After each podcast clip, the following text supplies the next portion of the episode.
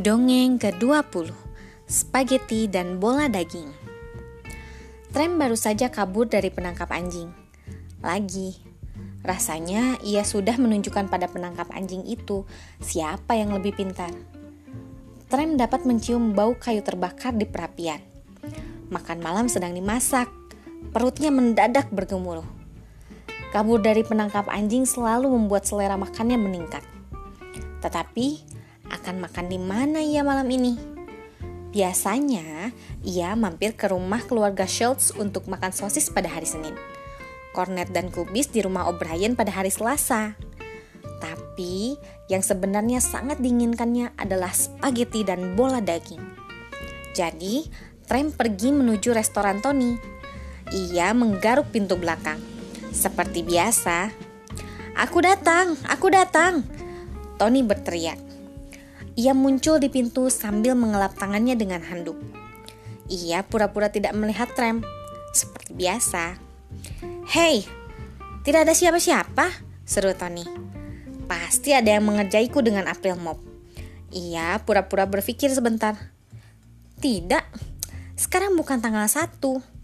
Bahkan bulan April pun bukan. Sekarang kan Januari. Trem tidak tahan lagi. Ia lapar sekali. Ia pun menyala. Oh, kau rupanya, Butch temanku, kata Tony. Tram alias Butch melompat-lompat. Akan kuambilkan makan malammu, ujar Tony. Tenang, santai saja. Tram duduk dan memandang berkeliling ke gang yang berantakan. Ah, inilah kehidupan. Tony muncul membawa sepiring penuh pasta. Ia membeli tram bukan cuma dua bola daging, melainkan tiga. Ini malam yang istimewa.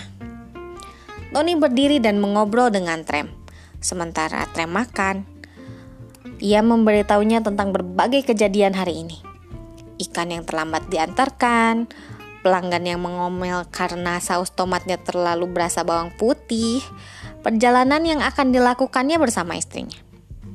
Trem selesai makan dan menjilat piring untuk terakhir kalinya. Piring itu sampai licin. Aku jadi teringat, ujar Tony. Ada yang sudah lama ingin kubicarakan denganmu. Sudah waktunya kau mengakhiri masa lajang dan punya istri juga. Trem memandang Tony dengan ngeri dan mulai berjalan mundur keluar dari gang. Tony tertawa begitu keras sehingga perutnya terguncang-guncang. Selamat jalan, Butch, serunya. Tapi ingat kata-kataku.